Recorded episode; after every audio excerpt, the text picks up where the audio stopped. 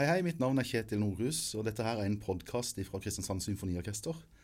Eh, det er den første podkasten vi noensinne har lagd. Eh, og jeg har med meg en spesiell gjest i dag. Det er en kar som jeg snoka rundt litt etter på, på internett her for noen dager siden og fant ganske masse gøy. Oi.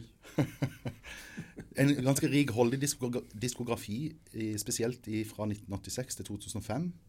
Han her har vært involvert med Jan Eggum, Tor Endresen, Halvdan Sivertsen. Det norske jentekor, det tror jeg vi må komme tilbake igjen litt til. Han har operert som dubber, vært kong Harald i Kaos i Eventyrland 2. Vært med på Teenage Mutant Ninja Turtles, som jeg syns hørtes veldig kult og actionfylt ut. Uh, han har vært høgskolelærer på Høgskolen i Volda. Daglig leder i Oslo Domkor. Direktør i Det Norske Blåseensemblet. Han har også vært konstituert direktør her i Kilden teater og konserthus. Og siden desember 2017 så har han vært direktør i Kristiansand Symfoniorkester. Geir Rebbestad, velkommen til oss. Tusen takk. Du vet mer om meg enn jeg gjør sjøl. Var det riktig alt dette her, eller? Ja, men det er mye mer spennende enn det du fant. Så jeg, vi har masse å prate om her, hvis du er interessert. ja, det er godt. det er godt. Jeg tenkte vi skulle legge opp dette her sånn rett og slett for å komme litt under huden på deg som person òg. Um, og tenkte vi skulle starte litt med med litt bakgrunn om, om deg og hvor du kommer fra, egentlig. Hører jo Du kommer, du er jo ikke født i Kvadraturen? Nei. Et stykke unna. Ja, kan Fortell litt om hvor du er fra. Ja, altså Jeg er opprinnelig sunnmøring, eh, og fra Ørsta på Sunnmøre. Men eh, jeg flytta jo ut der for 1000 år siden, nesten. Så jeg har bodd mye lenger vekk fra Sunnmøre enn på Sunnmøre. Så dialekten som du nevnte, den er nok litt avslepende, vil jeg tro. Ja, det, ja. Men det er hyggelig at du hører at det, ja, Du får høre det når du er hjemme? Ja. ja. Nei, egentlig, for da snur du raskt om, faktisk. Ja, riktig. Det er noe et eller annet med det. Da husker du alt, men når du er borte, så ja. Det er med musikk, eh, ser jeg, i forbindelse med ditt navn når jeg googler og sånne ting. Eh, så det, du har holdt på med musikk egentlig hele livet ditt, virker det som. Eh, når, når, var det på en måte du begynte å interessere deg for, for musikk? Ja, det var jo egentlig Det, det husker jeg ikke, men det var veldig tidlig. Absolutt. Og, eh, og, så var jeg så heldig at det var akkurat i, i passelig alder når Volda Ørsta interkommunale musikkskole ble starta. Det var i 1972. Så da meldte jeg meg på på gitar. Det var egentlig det mest interessante jeg kunne tenke meg. Og da starta det et eller annet, og jeg fikk en lærer som var fantastisk inspirerende. Og det førte jo til at gitar ble på en måte mitt instrument. da. Så er det, er det, fremdeles ditt instrument? Ja, altså Jeg har en utdannelse på gitar fra Musikkhøgskolen, men eh, på et eller annet tidspunkt så levde jeg ganske mye av å spille gitar, kombinert med å være, eller å synge, faktisk. Men, men så fikk jeg problem, problemer med høyrehånda mi, rett og slett. Koordinasjonsgreier. Eh, den dag i dag så lurer jeg fælt på hva det var for noe. Mm. Så det førte meg inn på en litt annen karrierebane, for å kalle det det. da. Så alle disse her eh, store norske artistene som er nevnt i diskografien din, Jan Eggum, Tor Andresen, Halvdan Sivertsen, du spilte ikke gitar, gitar, der, eller gjorde du det? Nei, ikke for disse her. Eh, men eh, jeg spilte gitar bl.a. på Norske Teatret og sånne type institusjoner. da. Hmm. Men er det vokal du har vært med Da er det vokal. Ja. Da er det sånne bakgrunns-backing vocals. Ja, Fascinerende. ja. For det var ganske mange plater der, og det var Ja, jeg tror det er minst 100 innspillinger jeg har vært med på i den perioden der. Jeg, kunne, jeg tror jeg faktisk kunne leve av akkurat det i den perioden. Mm. Så det ble jo litt eh, Grand Prix, både norsk og internasjonale finaler og i det hele tatt. Så det var litt av et sirkus. Men eh, nå er jeg så gammel at det, det er en svunnen tid. ja. Bortsett fra da at jeg faktisk har holdt ved like eh, et sånt svært show som går i, i Norge eh, en gang i året, Disney on Ice. Ja. Som er en sånn megaproduksjon. Det har jeg vært produsent og egentlig sunget på i siste 30 åra. Ja, kanskje det, ikke i år, men Nei, ikke i år. Det, det, har du helt rett i. I år så har det jo avlyst, men eh, faktisk i 30, over 30 år, tror jeg. Så det er fortsatt den lille biten jeg har holdt meg til. Fascinerende. Mm. Eh, du snakker om altså en sånn interkommunal eh, kulturskole oppe yep. Ørsta-distriktet. Eh, bestemte du deg tidlig for å, for å, følge musikkdrømmen, da? Og gikk på musikk videregående skole og sånne ting, eller? Nei, det fantes ikke sånn i Volda på den tida. Det, det heter det Volda gymnas. Eh, men det har blitt eh, absolutt musikklinjer der sånn i ettertid, men ikke da. Nei, eh, da gikk jeg jo og, ble, og begynte etter hvert å spille klassisk gitar. da. Og det var ingen andre som gjorde. Så, eh, så, det var kanskje det som også inspirerte meg, at jeg var ganske alene om det. Jeg vet ikke det. Men eh, så gikk jeg et år på eh, Høgskolen i Volda, på musikk, sånn heilårsegning, som det heter på nynorsk. Eh, men det var ikke for å bli musiker. Det var egentlig bare for å, å vente på at jeg skulle komme i militæret. For jeg hadde en eh, ambisiøs drøm om å bli flyger i Forsvaret. Oi. Så, det, det, eh, så jeg drev med musikk inntil jeg kom i militæret og havna i flyvåpenet. Og der havna jeg også på, eh, på Forsvarets flygeskole. Jeg hadde kjempe, litt stolt av det. Et par ting i livet jeg er stolt av. Det er ting som ikke har blitt noe av. For det, Da vet jeg liksom ikke hvor det kunne gått. Men jeg kan si at ja, jeg kom inn på Forsvarets flygeskole. Jeg er veldig fornøyd med det. Men etter å ha begynt med, i flyperioden, altså på sånne skolefly og holdt på med det, og loopa og rolla med jagerflyinstruktører i en lang tid, så fikk jeg bare en eller annen sånn følelse av at dette skal ikke jeg holde på med. Okay. Så da gikk jeg runden rundt hele militærsystemet og ba om å få slutte. Og jeg tror, jeg, jeg tror ikke det er veldig mange i Norge, så det er jeg også litt stolt av, da, som har sagt nei til en sånn utdannelse eh, til mange millioner kroner og sånn. Så, så, det så rart på meg. Jeg, er du helt ved dine fulle fem, nå skal du trekke deg, liksom. Ja, sa jeg. Og da hadde jeg fått kjennelsen A1. Dette høres ut som et skryteprogram. Må bare stoppe med når du syns dette går over alle grenser. Eh, det er så sjelden jeg forteller om det, så jeg blir veldig inspirert ja, når disse minnene dukker opp. Det er 40 år siden. Men. Uh, nei, altså da ble jeg, hadde jeg fått A1, som var høyeste kjennelse, og klar til egentlig å skulle ta utdannelse på jagerfly. Men da var det et eller annet som sa nå må du skjerpe deg. Det er interessant. Så, så da hoppa jeg av den. Eh, og, og, så eh, ble det noen kompiser som da skulle søke Norges musikkhøgskole. Så jobba jeg i et reklamebyrå fram til eh, opptaksprøvene der, og øvde litt da selvfølgelig. Og så kom jeg inn der. Og så derfra og hit så har jo for så vidt veien vært ganske Så det handler stort sett om musikk, da? Ja, ja. det kan du si. Akkurat. Mm. Og den her dubbekarrieren din, da, kan du fortelle litt om den? Ja, eh, det var jo da på det tidspunktet at uh, altså høyrehånda mi begynte å svikte, og jeg måtte begynne å tenke nå må vi finne andre ting å leve av. Og dubbingen hadde jo vært involvert i parallelt med alt mulig. Når du jobber som frilanser, så må du jo som regel takke ja til masse rart. Så det gjorde jeg, og, eh, og det ble veldig mye som produsent på tegnefilmer. Som jeg, som jeg, gjorde mest av da. En ting at jeg har spilt litt roller og sånn, men som regel så har jeg produsert og hatt instruksjon på på andre. Eh, så, så, da starta vi et eget firma rett og slett, og tenkte, for jeg kom litt på kant med Disney. Det er også litt artig. Ja, det er artig. Hele Disney-systemet ble egentlig litt sånn bannlyst der noen år, skjønner du. Fordi at jeg klagde på kvaliteten. Og, og, klagde på hvordan jobbene ble utført for Disney i Norge. Da, og sa at dette kan ikke dere være bekjent av. Eh, men, eh, men, da var det en, en, den som da var Disney-kontakten i Norge, hadde såpass krefter at da, da ble jeg frosset litt ut av Disney-systemet. Slo det tilbake igjen på deg sjøl? ja, men det var litt artig, for det var veldig mange som sto bak der. Så det, det, de sleit litt en periode, faktisk. Og så starta vi et eget firma, og det artige var jo da Dette var vel kanskje fire-fem år etterpå. Første kunden vi hadde, det var Disney. Da kom Disney på besøk og sa at ja, nå var du fikk lov å komme inn i varmen igjen. Så det tok jeg jo som en sånn der liten anerkjennelse. Men det er morsomt å være diskutert helt opp i øverst i Disney-systemet. Syns jeg er litt artig. Uh, jeg stusser jo litt på invol din involvering med Det Norske Jentekoret. Regner kanskje med at du ikke sang der, da? Nei, det de produserte en plate for, faktisk. Uh, det var, jeg husker ikke når det var, rundt 2000. Det var kanskje før det. Litt før. Mm. Uh, og det var veldig, veldig spennende. Jeg har produsert litt innspillinger av, av, sånn type karakter også. Mm. Og det morsomme var jo at uh, når den plata var ferdig i studio, så dro disse jentene til en eller annen svær internasjonal korkonkurranse i Wales, tror jeg det var, uh, med samme repertoar som innspillinga. Og da vant de jo førsteprisen, så jeg mm. føler at det har bidratt litt Fantastisk. inn der også. Så det er jo morsomt. Du, Vi skal prate litt om året i år, som jo som alle vet, har vært litt av et år. Eh, du gikk jo inn i det året her som konstituert administrerende direktør ja. for Kilden. Lite annet, det. Ja, lite annet, du. jeg husker godt de dagene når, eh, når korona, koronaen ble gjeldende og vi måtte vurdere å stenge ned. og Kan du fortelle litt om hvordan, hvordan det var? Hans var for et hus med så mange ansatte. og med så masse offentlige midler, og så plutselig så kommer det en helt ny situasjon som ingen var forberedt på. Nei. Og du kan godt si at hadde, hadde jeg visst om det, så hadde jeg vel aldri takka ja til å være konstituert heller.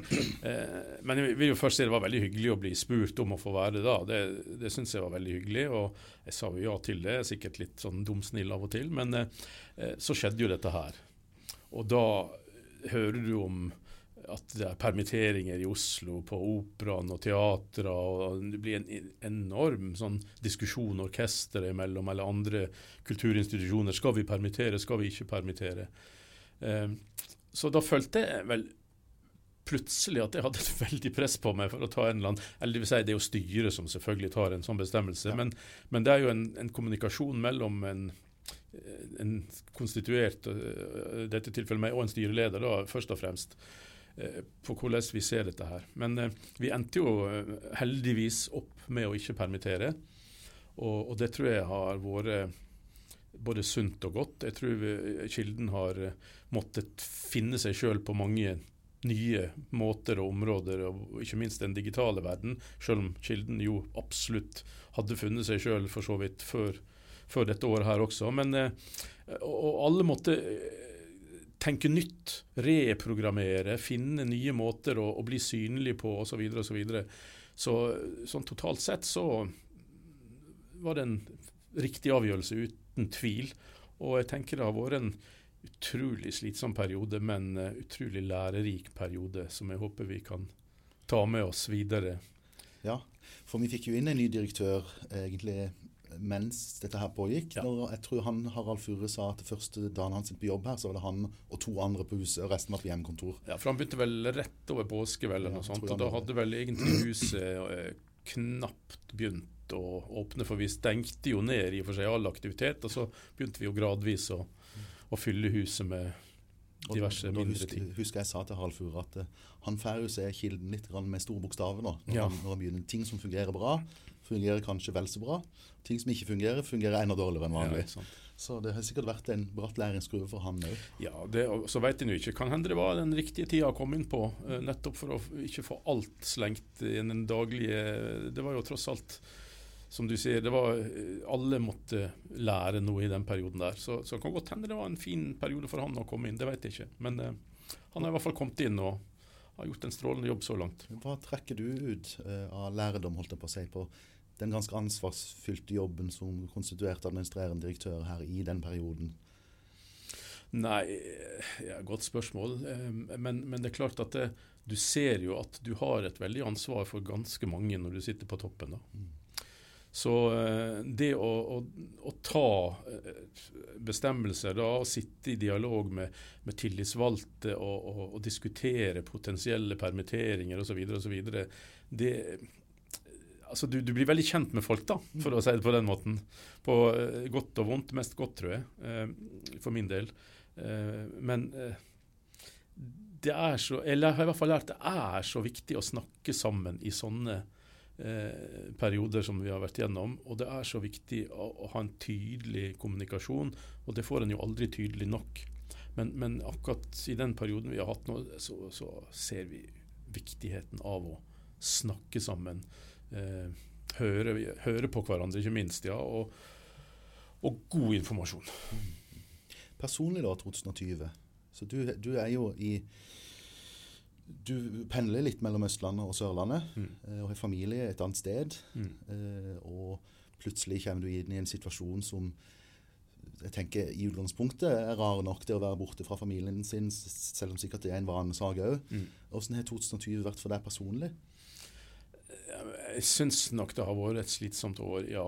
Eh, en ting er selvfølgelig i normale tider å være borte fra familien, men når du jeg skulle til å si, når du familien også eh, nærmest blir litt sånn isolert, fordi at det må en jo bli. Og i Oslo er jo ikke akkurat det minst ramma området når det gjelder korona.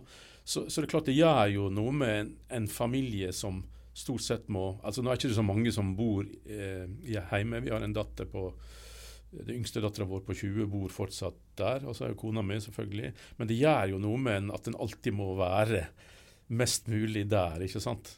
Og, og, og det da å komme herfra og hjem igjen og, og, møte liksom litt sånn ja, litt småfrustrert gjeng fra før. Det, det, er jo ikke alltid like lett å komme inn da og være den som skal løse litt opp i stemninga. Det kan jo av og til bli nesten bare verre å komme hjem igjen. Og det er jo slitsomt, rett og slett. Så, så, det er jo ikke sånn en ønsker å ha det.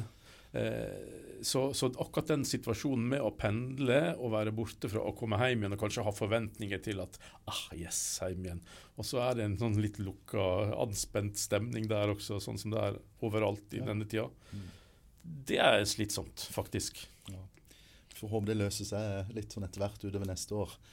Um, og så kan jeg tenke meg altså, Det å lede et orkester i et år som dette her må jo ha vært um, ekstremt utfordrende. For det orkesteret er jo vant til å planlegge langt, langt i forkant, eller langt framover. Og, eh, og, så plutselig så er en oppe i en situasjon der en må nesten kaste seg rundt fra dag til dag. Mm. Fra uke til uke, iallfall. Ja, ja.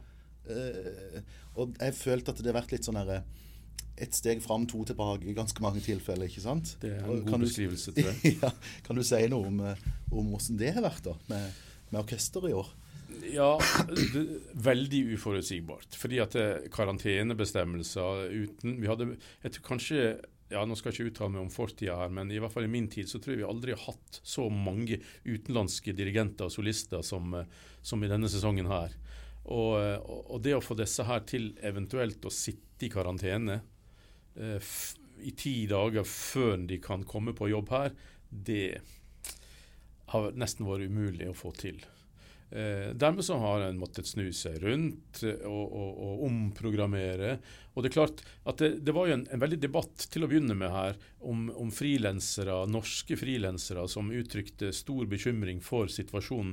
Men, og dirigenter, det var for å ta det som et eksempel. Et, jeg tror at det, Dette har jo snudd seg til å bli egentlig en ganske fin periode for f.eks. norske dirigenter og solister.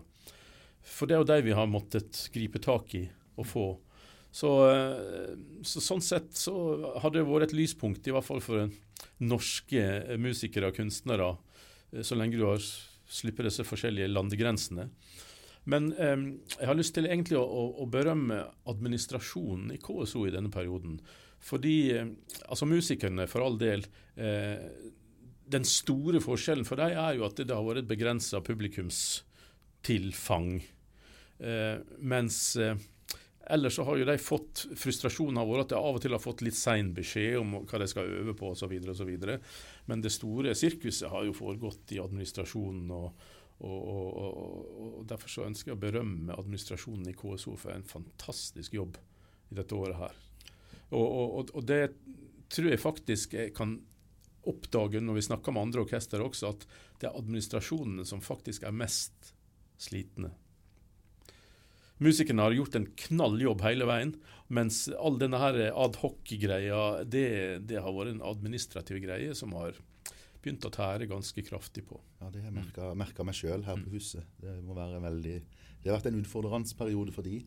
Um, men selve programmet, når du ser tilbake på 2020, og altså vi klarte å kjøre gjennom en hel Beethoven-festival ja. med 200 folk i salen da, og, og masse sideprogram og ditt og datt rundt på huset her i to, to og en halv uke. Mm. Eh, det var en kraftanstrengelse. Ja, det var en, en kraftanstrengelse. Og så gikk en jo hele tida med skulle si, hjertet i halsen for når kommer smitten inn. Og vi, vi, vi har jo sett en Operaen f.eks. De hadde én som var smitta, hele operaen stengt ned. Og når Bergen, orkesteret i Bergen fikk jo en smitte, steng ned. Og det er klart at det, Hvis dette hadde skjedd også her, så hadde jo hele festivalen gått i vasken. Men, så vi har jo vært tross alt kjempeheldige og fått gjennomført. Eh, men sånn isolert sett, festivalen har jo også vært en enorm utfordring for orkesteret. Eh, enormt mye stoff som skal gjennom på kort tid. Og jeg tror det har vært en, eh, har vært en periode med masse frustrasjon, men som endte opp i en enorm glede. Fordi, eh, og, og med rette, for, for eh, dette har vært en læringskurve. Dette er noe som de skal dra med seg som en kjempegreie videre. For dette fikser de enormt bra, og all ære til musikerne for at de sto på og gjennomførte dette maratonet av et uh, konsertprogram. Så, og, og, anmeldelsene var jo kanon. Mm. Eh, alle konsertene hadde jo fantastiske anmeldelser. Så det viser jo bare at den interne frustrasjonen og kanskje den litt sånn der skuffelsen over småting sånn på podiet, det er jo ikke noe som egentlig blir lagt så mye merke til. eh, utad. Så, så eh, en bragd, og vi har får bare takke for at det ikke kom noe smitte på huset akkurat i den perioden. For det hadde nesten vært det verste. Ja, det hadde det. Mm. Det var altså åtte av ni symfonier eh, pluss pianokonsert og en hel masse Fiolinkonsert, fi- ja. fiolinkonsert og en hel masse eh, kammerkonserter i samarbeid med Universitetet i Agder. Og det må jeg også bare få, få ta med. Stor, stor takk til UiA, som er en fantastisk samarbeidspartner. Og eh, vi har hatt et strålende samarbeid eh, i flere år for den del, men, men også under den festivalen. Nydelig, og jeg håper at det gode samarbeidet skal bare fortsette. Vi er egentlig avhengige av hverandre, tenker jeg, både Kilden og UiA. Mm. En av de personene som har gått i karantene for å kunne jobbe med Kristiansand Symfoniorkester eh, to ganger i år, vel, er jo sjefsdirigent Nathalie Stotsmann. Mm. Og nå eh, har det vært oppe noen eh, fine nyheter om Nathalie når ja. denne podkasten er på lufta. Eh, Nathalie har vært her i noen år allerede, og nå er det offentlig at hun skal være i to nye sesonger. Mm. Eh, hvor viktig er det for orkesteret? Det er selvfølgelig kjempeviktig. fordi at det, det, det, Hun har virkelig tilført orkesteret noe. Hun er jo kunstner på, på, på godt og vondt, om du kan si det på den måten. Hun er, et, hun er en fant, ja, fantastisk kunstner og har sine ideer, men hun er også ganske tydelig og streng når det gjelder. Og, og, og det er ikke alltid like lett å svelge i alle situasjoner. Så, så sånn sett, så på godt og vondt, så er det litt av begge deler, men, men desidert klart eh, en, en kjempeløft for orkesteret at hun har vært her, og, og det vil det også være eh, bli ved at hun nå har signert for to nye år. Og, og vi ser jo bare når hun får når hun får jobbe, litt sånn, ha litt kontinuitet i jobbinga, sånn som denne Beethoven-festivalen f.eks., så får hun gjort, gjort noe med orkesteret. Altså Hun jobber klang med dette. her. Det er kanskje som publikum ikke tenker så mye over klang, men det er jo en utrolig viktig del av et orkester sitt uttrykk. Det er hvordan klinger det sammen? Hva slags klang vil vi ha? Hvordan spiller gruppene sammen? Intonasjon i forhold til blåsere, strykere osv. Dette er hun veldig, har hun jobba godt med, og det er utrolig viktig for å øke da kvaliteten. For da er du nede på bitte små detaljer, Ja. og det kan du ta deg tid til når du er lenge med et orkester. sant? Ja. Ehm, hva har hun sagt om, om hos sine mål for de kommende to sesongene, fra sommeren 2021 og to sesonger videre? altså, så, så, uh, Tydelige mål har hun ikke nødvendigvis, men, men det hun på en måte sier hele tida, er at hun ser et veldig potensial i dette orkesteret. Og Det var jo grunnen til at hun signerte i første runde. Det var jo at det går veldig lenge mellom hver gang hun står på podiet og, og møter et orkester som er så på, skulle jeg si, på, på tuppa etter å følge de beskjedene som hun, hun ønsker å gi. da. Um, så, så det er og det er jo kjempeviktig hvis hun som sjefdirigent skal oppnå noe med et orkester, at de er interessert i å følge hennes uh, intensjoner. ikke sant? Og, og, og, det er jo veldig tydelig på når hun har signert en gang til, at dette orkesteret har kjempepotensial. Derfor syns hun det er så spennende å jobbe med det. Jeg må spørre først, uh, Når hun signerte første gang, var det et resultat av et besøk her der hun traff orkester, og så var det en spesiell, uh, en spesiell liksom Det var én konsert, og så var det bare en eller annen Alt stemte på et eller annet vis. Eh, og da kan du si, da var hun jo enda mer i starten på sin dirigentkarriere enn, hun er nå. Og, og, det at hun nå har blitt utnevnt til første gjestedirigent i Philadelphia, det er jo egentlig kjempestort. Det er jo et av verdens mest anerkjente store orkester. ikke sant? Så, og det at hun da nå likevel signerer en ny periode for KSO, det er jo en enda større anerkjennelse av orkesteret enn enn en hun gjorde det første gang, tenker jeg. Hvis vi skal se litt inn i glasskula for 2021, ikke nødvendigvis på korona og sånne ting, men hva kan publikum forvente seg i 2021 av, av KSO og Nathalie Stutzmann? Ja, det er jo vanskelig å skape noen forventninger så lenge situasjonen er så utydelig som den er pga. denne pandemien fortsatt. Men det som i hvert fall skjer eh, på vårparten i 2021, da, det er at Stutzmann kommer hit allerede etter eh, nyttårskonsertene og vil være her faktisk i tre uker sammen med orkesteret. Det skulle jo ikke opprinnelig, men pga. at andre dirigenter da ikke eh, kan komme, så har hun sagt seg villig til å ta ansvar som sjefdirigent. Eh, og, og kommer hit, sitter i karantene og er her da tre uker sammenhengende med orkesteret. Og det eh, kan en i hvert fall forvente at eh, orkesteret kommer til å bli enda bedre i den perioden, sammen med sin sjefdirigent. Så, så for publikum så det er bare å glede seg til et KSO i stadig eh, utvikling, Ja, fantastisk. tenker jeg. Ja. Mm. Jeg tror eh, det var det jeg lurte på i dag. Eh, tusen takk for tida di, Geir. Det var bare hyggelig. Var gøy å høre litt om, om de tidligere årene, om jagerpilot, eh, den nesten jagerpilotkarrieren Ja. og og. Og jeg ønsker lykke til i 2021. Så kan det godt være at vi sitter her og prater litt senere i 2021 òg. Jeg er veldig glad for at jeg ikke ble jagerpilot, for da, da hadde ikke denne samtalen funnet sted. Fantastisk. Takk for oss.